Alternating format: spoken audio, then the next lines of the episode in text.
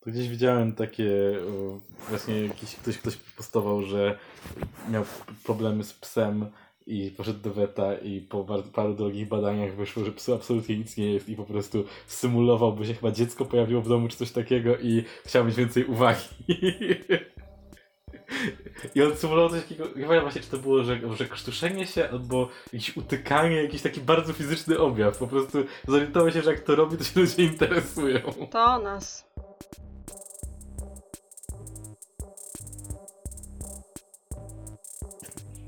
Nagrywa się? Nagrywa się. Dobra. Elo, E, Cześć wszystkim. to my. Dzień dobry. Witamy Dzisiaj- serdecznie. Witamy serdecznie. Dzisiaj będzie Krzysztof Show. Dla No, odmiany. mam nadzieję, że nie będzie czysto Krzysztof Show i że mi trochę wspomożesz. E, bo, bo to jest temat, na który myślę e, jest bardzo wiele take'ów. Bo pomyślałem sobie, że chciałbym trochę porantować dzisiaj e, na bardzo taki drażliwy dla niektórych temat. Otóż na temat męskości, e, a konkretnie na Siusiaka?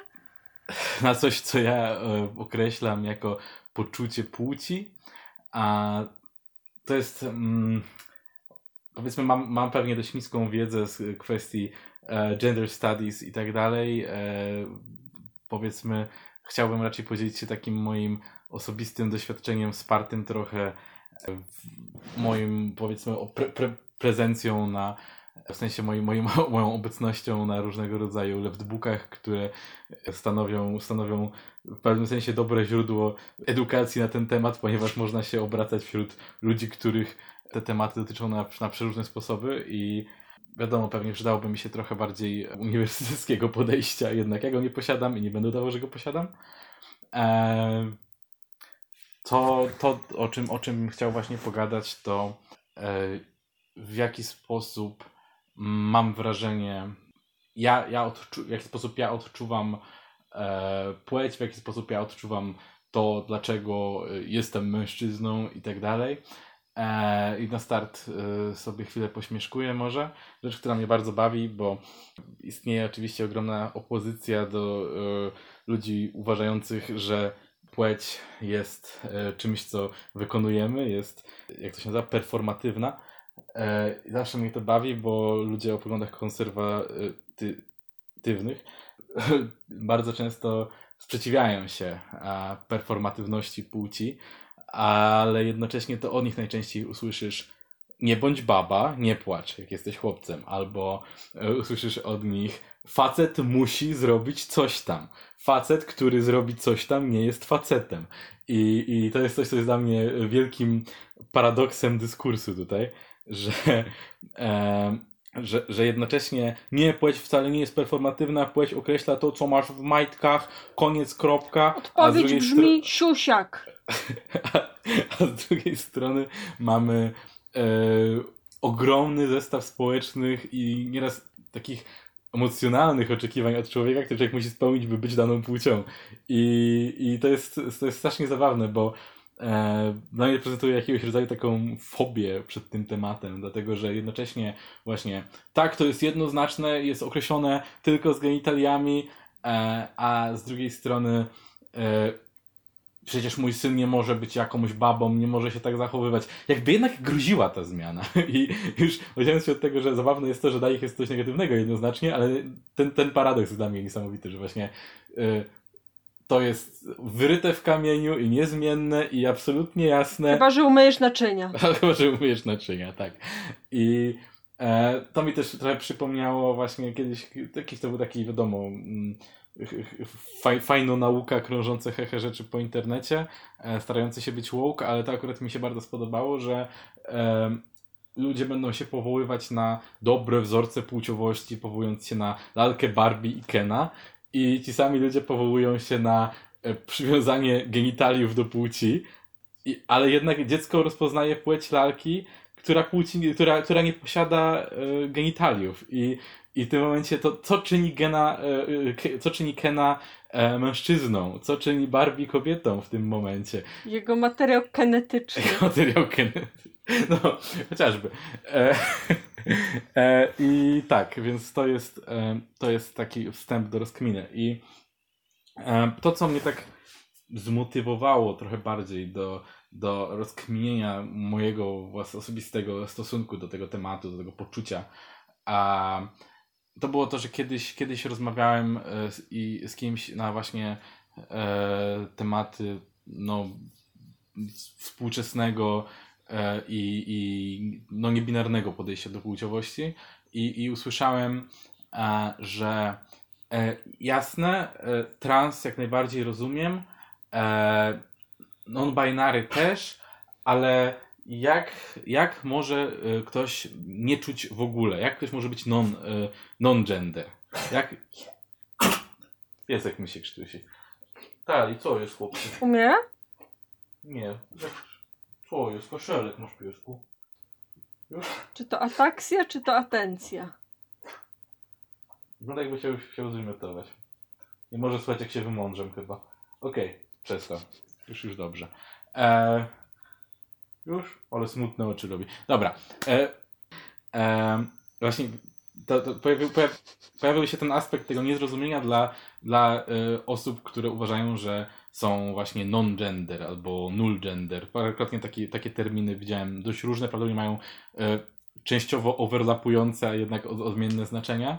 E, I, I wtedy sobie pomyślałem, że ja tego problemu nie odczuwam, ale wtedy też sobie pomyślałem, że e, mój rozmówca jest kobietą i, e, i w pewnym sensie, e, mimo, mimo że wiadomo, e, obie płci są bardzo mocno e, od początku w kulturze odciskane na już nawet świeżo urodzonych dzieciach, tak? Od początku jest ten podział binarny, od początku są dwie płci, które trzeba dziecku wcisnąć, to dziewczynki doświadczają tego bardziej i doświadczają tego e, coraz bardziej im starsze są. E, i, i, I prawdopodobnie właśnie to mogło być moim zdaniem jedną z takich przyczyn, że facetowi łatwiej jest się od tego odciąć na ogół, jednak rzadziej e, usprawiedliwiane pewne rzeczy, pewne czyjeś decyzje odnośnie mnie, czyjeś podejście odnośnie mnie e, na pewno jest płcią, podejrzewam, niż, niż kiedy ktoś e, kiedy ktoś postrzegany jest jako, jako kobieta i jego osoba oceniająca go niesie za tą, za tą binarną oceną jednocześnie zestaw oczekiwań, wymagań i tak. I to była taka moja, moja pierwsza myśl, że prawdopodobnie e, facet ma tutaj tą przewagę, że jest e, mniej tą, mniej ta płeć jest mu pychana w gardło za każdym razem. To myślę jest jeden aspekt. E, to też pewnie przez to, że w pewnym sensie społeczeństwo ukształtowane w patriarchacie jest e, przyzwyczajone do tego, że mężczyzn traktuje się jako default. To jest opcja wyjściowa i masz standard i masz niestandard. I, i, i myślę, że to jest jeden taki, taki element. A, a druga rzecz, a, którą pomyślałem wtedy, to, że miałem ogromne szczęście być wychowywany w domu, w którym e, płeć ogólnie nie była mi wciskana w gardło. Nie był to e, dom e, new wave genderowy, w którym e, w latach 90. wszyscy by byli na bieżąco z najnowszymi osiągnięciami nauk społecznych, ale e, nigdy nie usłyszałem od swoich rodziców nie bądź baba, nie płacz, chłopaki nie płaczą, e, nie rób tego, to robią dziewczyny. E, nie miałem takich e, rzeczy wciskanych w gardło. E, jak, jak bawiłem się lolkami z moją siostrą, nikt mi nie mówił e, o, wyrośniesz na, nie wiem, albo na, na homo nie wiadomo, albo inne obraźliwe terminy mogłyby zostać tutaj rzucone. E, nie miałem, nie Jak byłem będziesz się sposób- bawił Kenem, to tobie też zniknie penis. E, Nie no, Kenem jeszcze można, ale nie wiem, jak, e, jak jeździ samochodem. Tylko w czołgu różowym.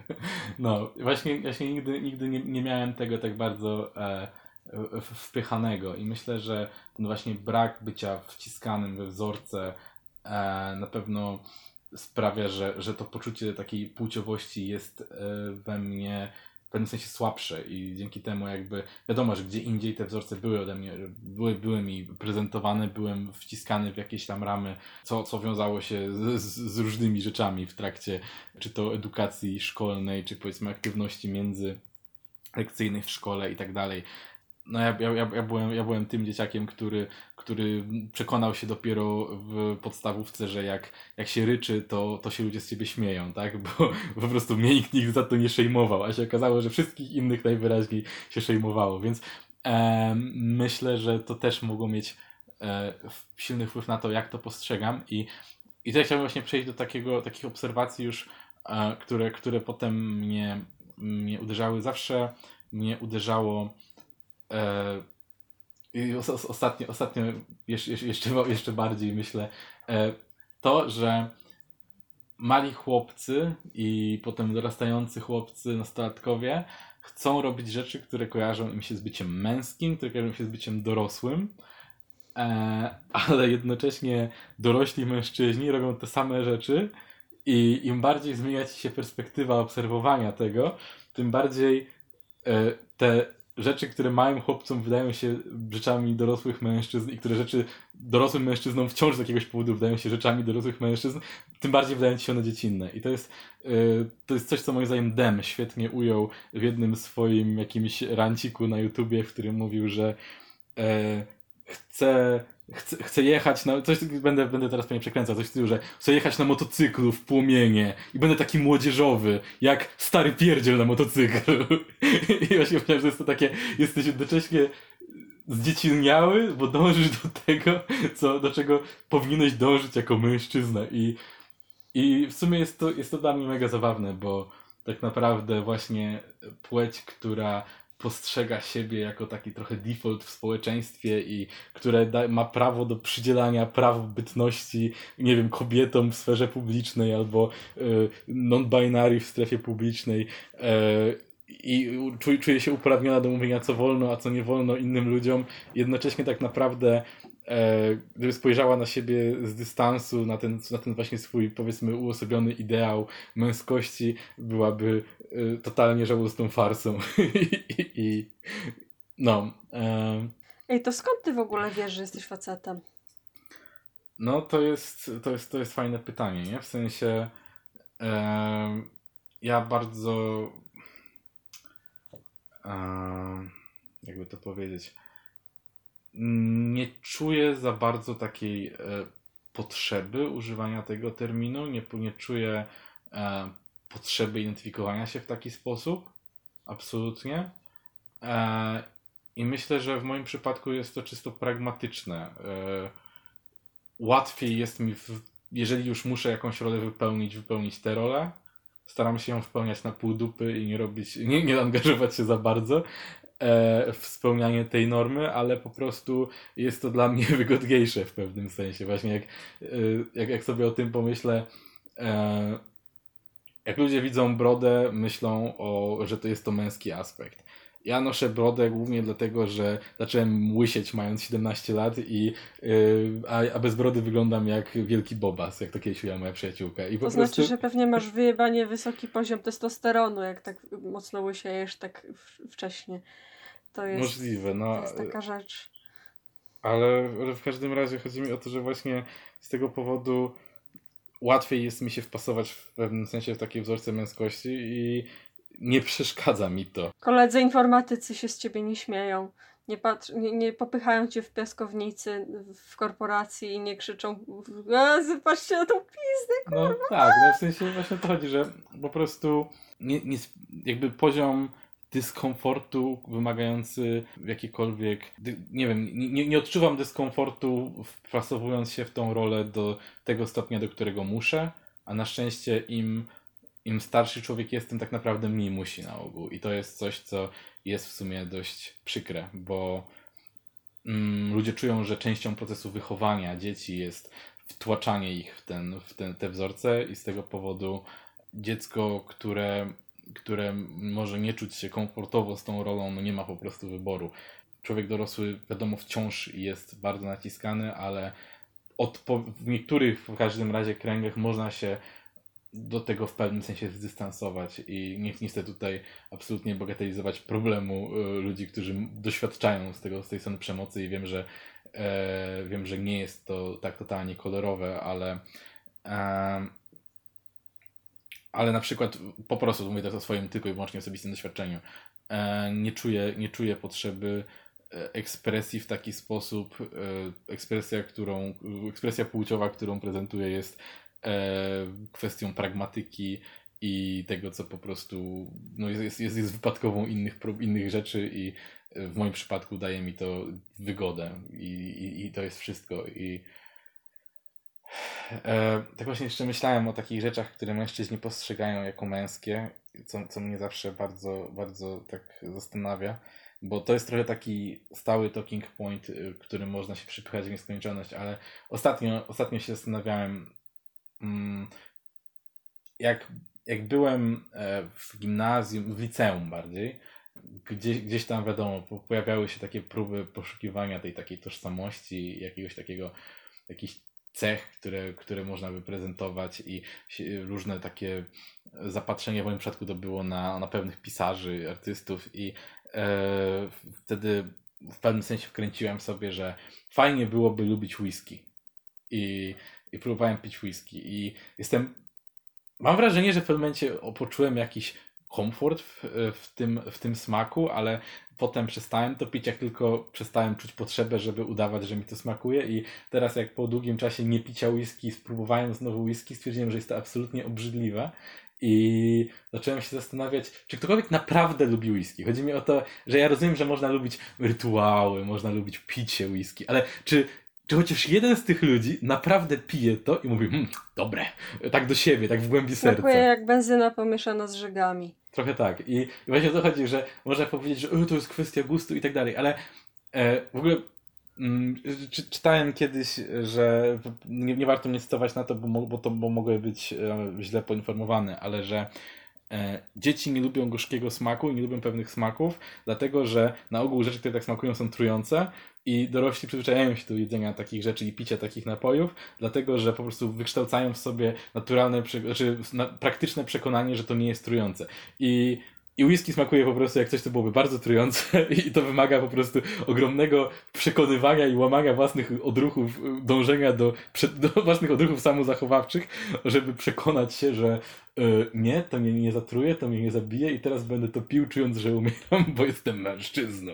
Jeszcze zapalę cygaro. I nie wiem, jakieś takie mam dziwne, dziwne poczucie właśnie, że to jest jedna z takich rzeczy, które e, które są po prostu jakimś takim elementem etosu, który, który człowiek w sobie siebie wpaja i... Ogólnie to nie no, jest jest tak, że sądzę, że tak naprawdę bardzo dużo ludzi jakby się zastanowiło, to by im wyszło, że są jacyś non-binary, albo są agender, albo non-gender, albo bigender, albo jacyś tam. Bo ludzie Mam wrażenie, że ludzie po prostu ten brak płci odczuwają różnie i różnie to nazywają. Ale generalnie, mm, generalnie to doświadczenie, że a ja to w sumie nie wiem, nie czuję tego, że nie, nie, nie wstaję rano i nie czuję, nie jest treścią mojej, e, mojej świadomości, że czuję się facetem, czuję się kobietą. Nie, dopóki, dopóki nie myślę o tym w kontekście innych ludzi, to większość osób, które na przykład nie mają dysforii związanej z, z, z ciałem, to zazwyczaj w ogóle nie myślisz o tym w takich kategoriach, że, że, że jesteś facetem, jesteś kobietą. To jest dla mnie w sumie ciekawe, że mm, ludzie, że jakby uznajemy według w krytycznej teorii płci, krytycznej teorii um, genderu, że to jest konstrukt i że tak naprawdę to nie ma i że to jest płynne i że to jest spektrum i tak dalej, a jednak są ludzie, którym tak ewidentnie pasuje jakaś płeć, a inna nie pasuje. Nie wiem, jacyś mocni, powiedzmy, ja sobie na przykład tego nie wyobrażam, że istnieją pięciolatki, które wiedzą, że są trans. To jest dla mnie po prostu wow, to jest nie do pomyślenia, żeby mieć takie poczucie w ogóle, że poczucie swojej płciowości, poczucie swojego. Myślę, że po prostu myślę, że po prostu jedni odczuwają to bardziej, inni mniej, nie? Właśnie mm, po prostu tak samo jak ludzie często odczuwają swoją płeć przypisaną przy, przy porodzie, też odczuwają bardzo silnie, tak? Eee, przy czym właśnie zastanawiam się, jaki, jak, jak, jak, jak, w jakim stopniu jest to, jest to konformizm społeczny, w jakim stopniu jest to wewnątrz pochodne. To jest strasznie, strasznie trudny temat w sumie. Nie, albo na przykład sobie myślę, że jak, jak, jak czytam czasem opowieści osób, które powiedzmy bardzo wcześnie wiedziały, że są trans. Nawet w tym mm, ostatnio był coming out Niki Tutorials, no to ona mówiła coś takiego, że miałam 4 latka i już wiedziałam, że nie chcę mieć krótkich włosów, chcę mieć drugie, długie włosy. Nie chcę się bawić samochodzikami, chcę się bawić lalkami. Tylko, że kurde, to jakby zakłada, jak, jak, jak mówisz o tym, że chciałam takich rzeczy, więc wiadomo, wiedziałam, że jestem dziewczynką, to jakby zakładasz już ten esenc- esencjalizm, nie? Że dziewczynki mają długie włosy jakby z natury i dziewczynki z natury wolą lalki od samochodów. I to jest takie, w sensie, jeśli to jest, jeśli to jest, no to jeśli jest, to jest, to jest trochę następstwo. dla tej osoby użyteczny opis, to ja to szanuję, ale to jest też, wydaje, wydaje mi się, że ten opis jest użyteczny, bo jest stworzony kulturowo. No w sumie tak, bo to jest właśnie takie bardzo mocno podyktowane binarnym, stereotypowym myśleniem, tak? Że, e, że właśnie nie, nie, nie można być chłopcem z długimi włosami bawiącym się lalkami, tak? To jest takie, takie przeświadczenie, że to jest z jakiegoś powodu niewykonalne. Strasznie to jest w ogóle... Najchętniej bym o tym pogadała z kimś, kto się na tym lepiej zna, ale ja też w sumie mam takie podejście, że jakby tak naprawdę każdy jest trochę niebinarny. Ja byłam akurat w takiej rodzinie, w której mi dużo, stosunkowo dużo mówiono o takich rolach płciowych, że tego nie powinno się robić, jak się jest dziewczynką, to się powinno. Trochę wydaje mi się, że trochę te, osoby, którym akurat pasują, ich role płciowe są trochę mniej zauważane, bo możesz jednocześnie uważać, że te role do ciebie pasują, ale nie muszą pasować. Że jesteś. Akurat ty pasujesz do tej, do tej normy, a jednocześnie wiesz, że to nie powinna być norma. Że to jest tak, że. To jest trochę tak, jak czasem czytasz horoskop, który cię opisuje. Wiesz, że on cię opisuje, jakby myślisz sobie, tak, to jest totalnie o mnie, ale jednocześnie racjonalnie wiesz, że to jest Barnum i że to jest przypadek i że tylko sobie to nadpisujesz i że nie ma żadnej, nie ma korelacji tutaj między twoją datą urodzenia, a twoim, tym, co się wydarzyło w tym tygodniu w twoim życiu. To jest trochę, to, trochę coś takiego dla mnie i, i boję się nawet trochę twierdzić cokolwiek na temat ról płciowych, bo cholera, kto wie, może jest jakiś gen, którego jeszcze nie, nie odkryliśmy, mm. który sprawia, że ktoś jest kobietą albo mężczyzną i jak, jak mu nie pasuje reszta kariotypu, to, to wtedy jest trans, a jak mu pasuje, to wtedy jest cis. Nie wiemy tego, nie? Trochę dziwnie mi, dziwnie mi nawet o tym gadać. Ciężko się zrobiło. Jeszcze pomyślałem sobie o jednej rzeczy, o jednym takim aspekcie, mm, że właśnie zastanawiam się, ile też poczucia braku właśnie tej stereotypizacji płciowej w procesie wychowania, e, który ja doświadczy, którego ja doświadczyłem, wynika z realnego braku tej, tej, tej stereotypizacji, a, a ile, ile wynika z powiedzmy być może innego zestawu oczekiwań, które mogły być w sposób większe wobec e, na przykład moich sióstr. To jest też coś, coś, czego w sumie nie wiem, bo sam nie doświadczyłem i I, i, i, i to też jakby trochę pasuje, tro, tro, trochę, trochę wiąże to z tym, co wcześniej mówiłem o takim, że w pewnym sensie, w pewnym sensie czasami mężczyzn traktuje się trochę defaultowo, a kobietom przypisuje się dodatkowe obowiązki jakby, albo y, tak jak, tak jak w społeczeństwie kapitalistycznym, w którym e, uznaje się, że okej, okay, to mężczyzna wcześniej pracował i zarabiał, a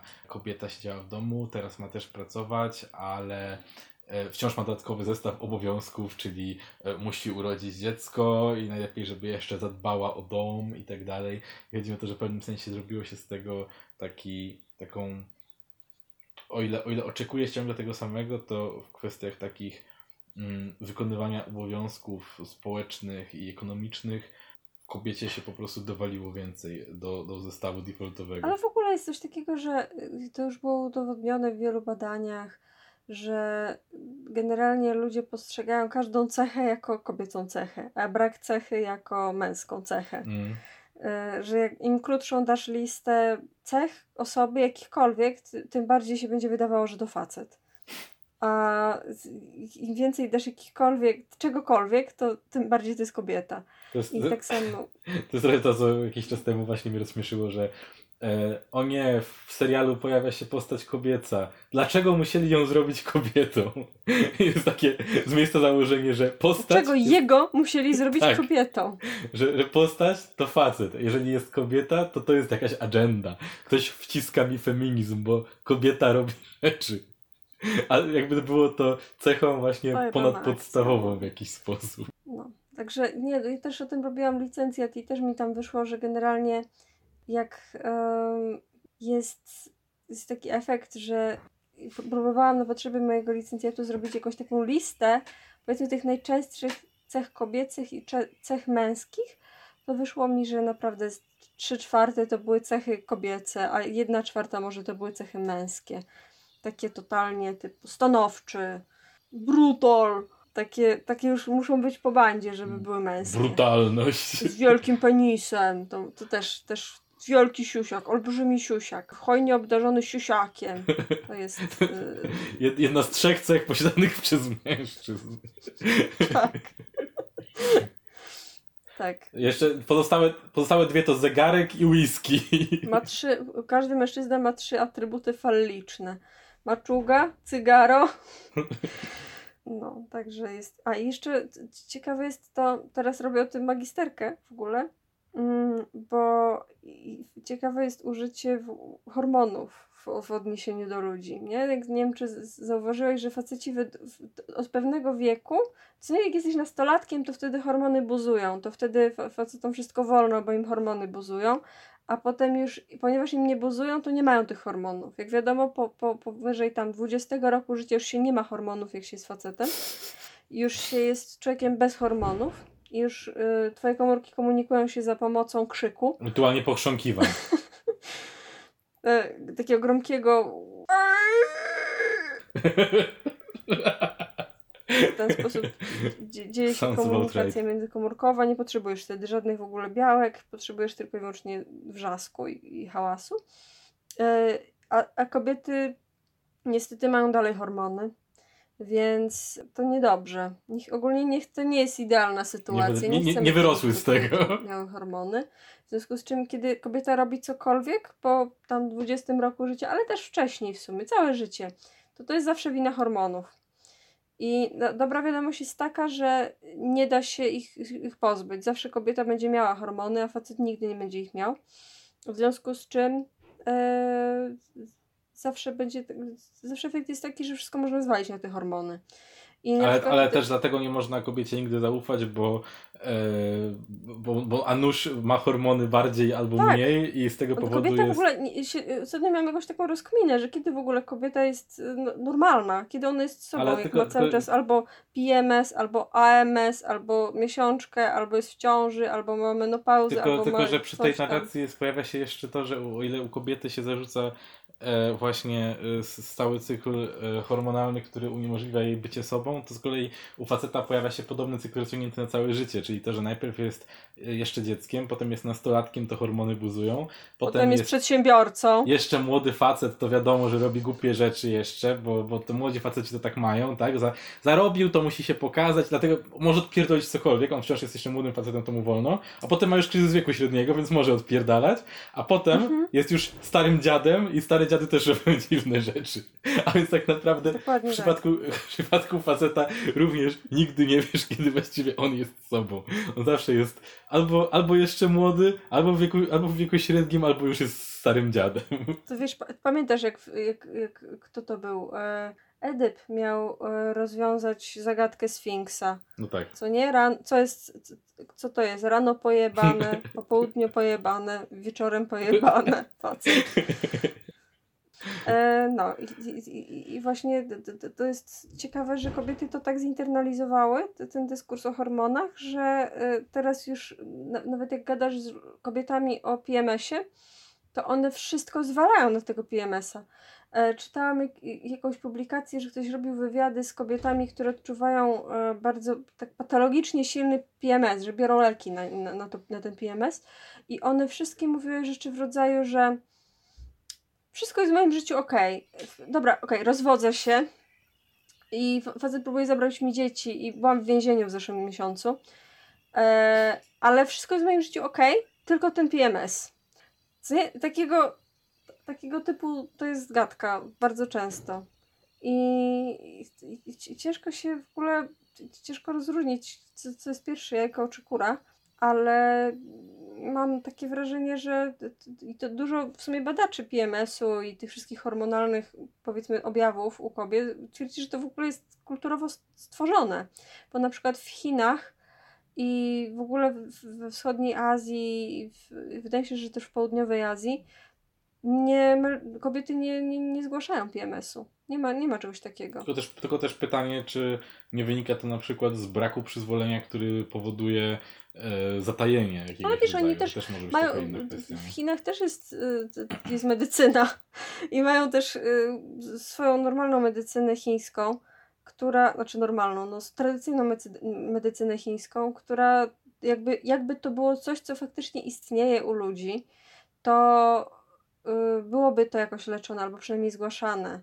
To, to nie są. mm, Ludzie tam jednak leczą się na choroby. To, al, albo zgłaszają, że. Tam, tam nawet kobiety nie zgłaszają specjalnych wahań nastrojów, jeśli chodzi o. o nawet nie jest tak, że nie zgłaszają tego jako jednostki chorobowej, tylko w ogóle nie wiedzą o co chodzi. Jak się je zapyta, co to jest PMS, to tak. Nie, dlaczego miałabym mieć wahania nastrojów w ciągu miesiąca, co? E, A w zachodnim kręgu kulturowym to jest tak przyjęte, że ciężko sobie wyobrazić w ogóle kobietę bez PMS-u. Mm. Co to, co to jest, miesiączka? I, i, i co, nie rzucasz, nie, nie bijesz faceta swojego? Nie, nie zrzucasz go ze schodów i nie dziabiesz go nożem w, w chuja? Jak, w te, kiedy masz te dni? Każdej z nas zdarzają się te dni. Budzisz się i trzymasz nóż nad głową swojego mężczyzny. Albo budzisz się i twój dom płonie, bo podpaliłaś go przez sen. E, albo budzisz się i e, jesteś na środku jeziora krwi. Zdarza się najlepszym. Zdarza się każdej z nas. Tym akcentem kończymy. Podsumowując, płeć to kraj kontrastów. Ważne przede wszystkim, nie dawajcie dzieciom bawić się kenami bez siusiaków. To jest bardzo ważne. Właśnie, jak, jak, jak, jak macie Kena bez siusiaka, to kupcie albo sprawdźcie, do, jeżeli macie własne dildo, to możecie je przyczepić. Najlepsze jest takie w cielistym kolorze z takimi jeszcze żyłkami pomalowanymi, żeby je przyczepić do tego Kena od przodu. Może być trochę nieproporcjonalne, ale nie szkodzi. Przyczepcie je i to nie spowoduje wtedy jakby takiego niesmaku u dziecka. To wtedy będzie takie naturalne. Ej, ale powinny być na przykład, jest, jak są gry, gry komputerowe, Barbie. Nie, to one powinny mieć takiego patcha, community patcha, że, że możesz dorobić. Rozpoczynamy, rozpoczynamy teraz e, fundusz. Będziemy zbierać na projekt e, open source'owy, mający na celu doprawienie siusiaków wszystkim postaciom w grach Barbie. E, numer, numer konta do przelewów będzie w opisie tego, tego podcastu.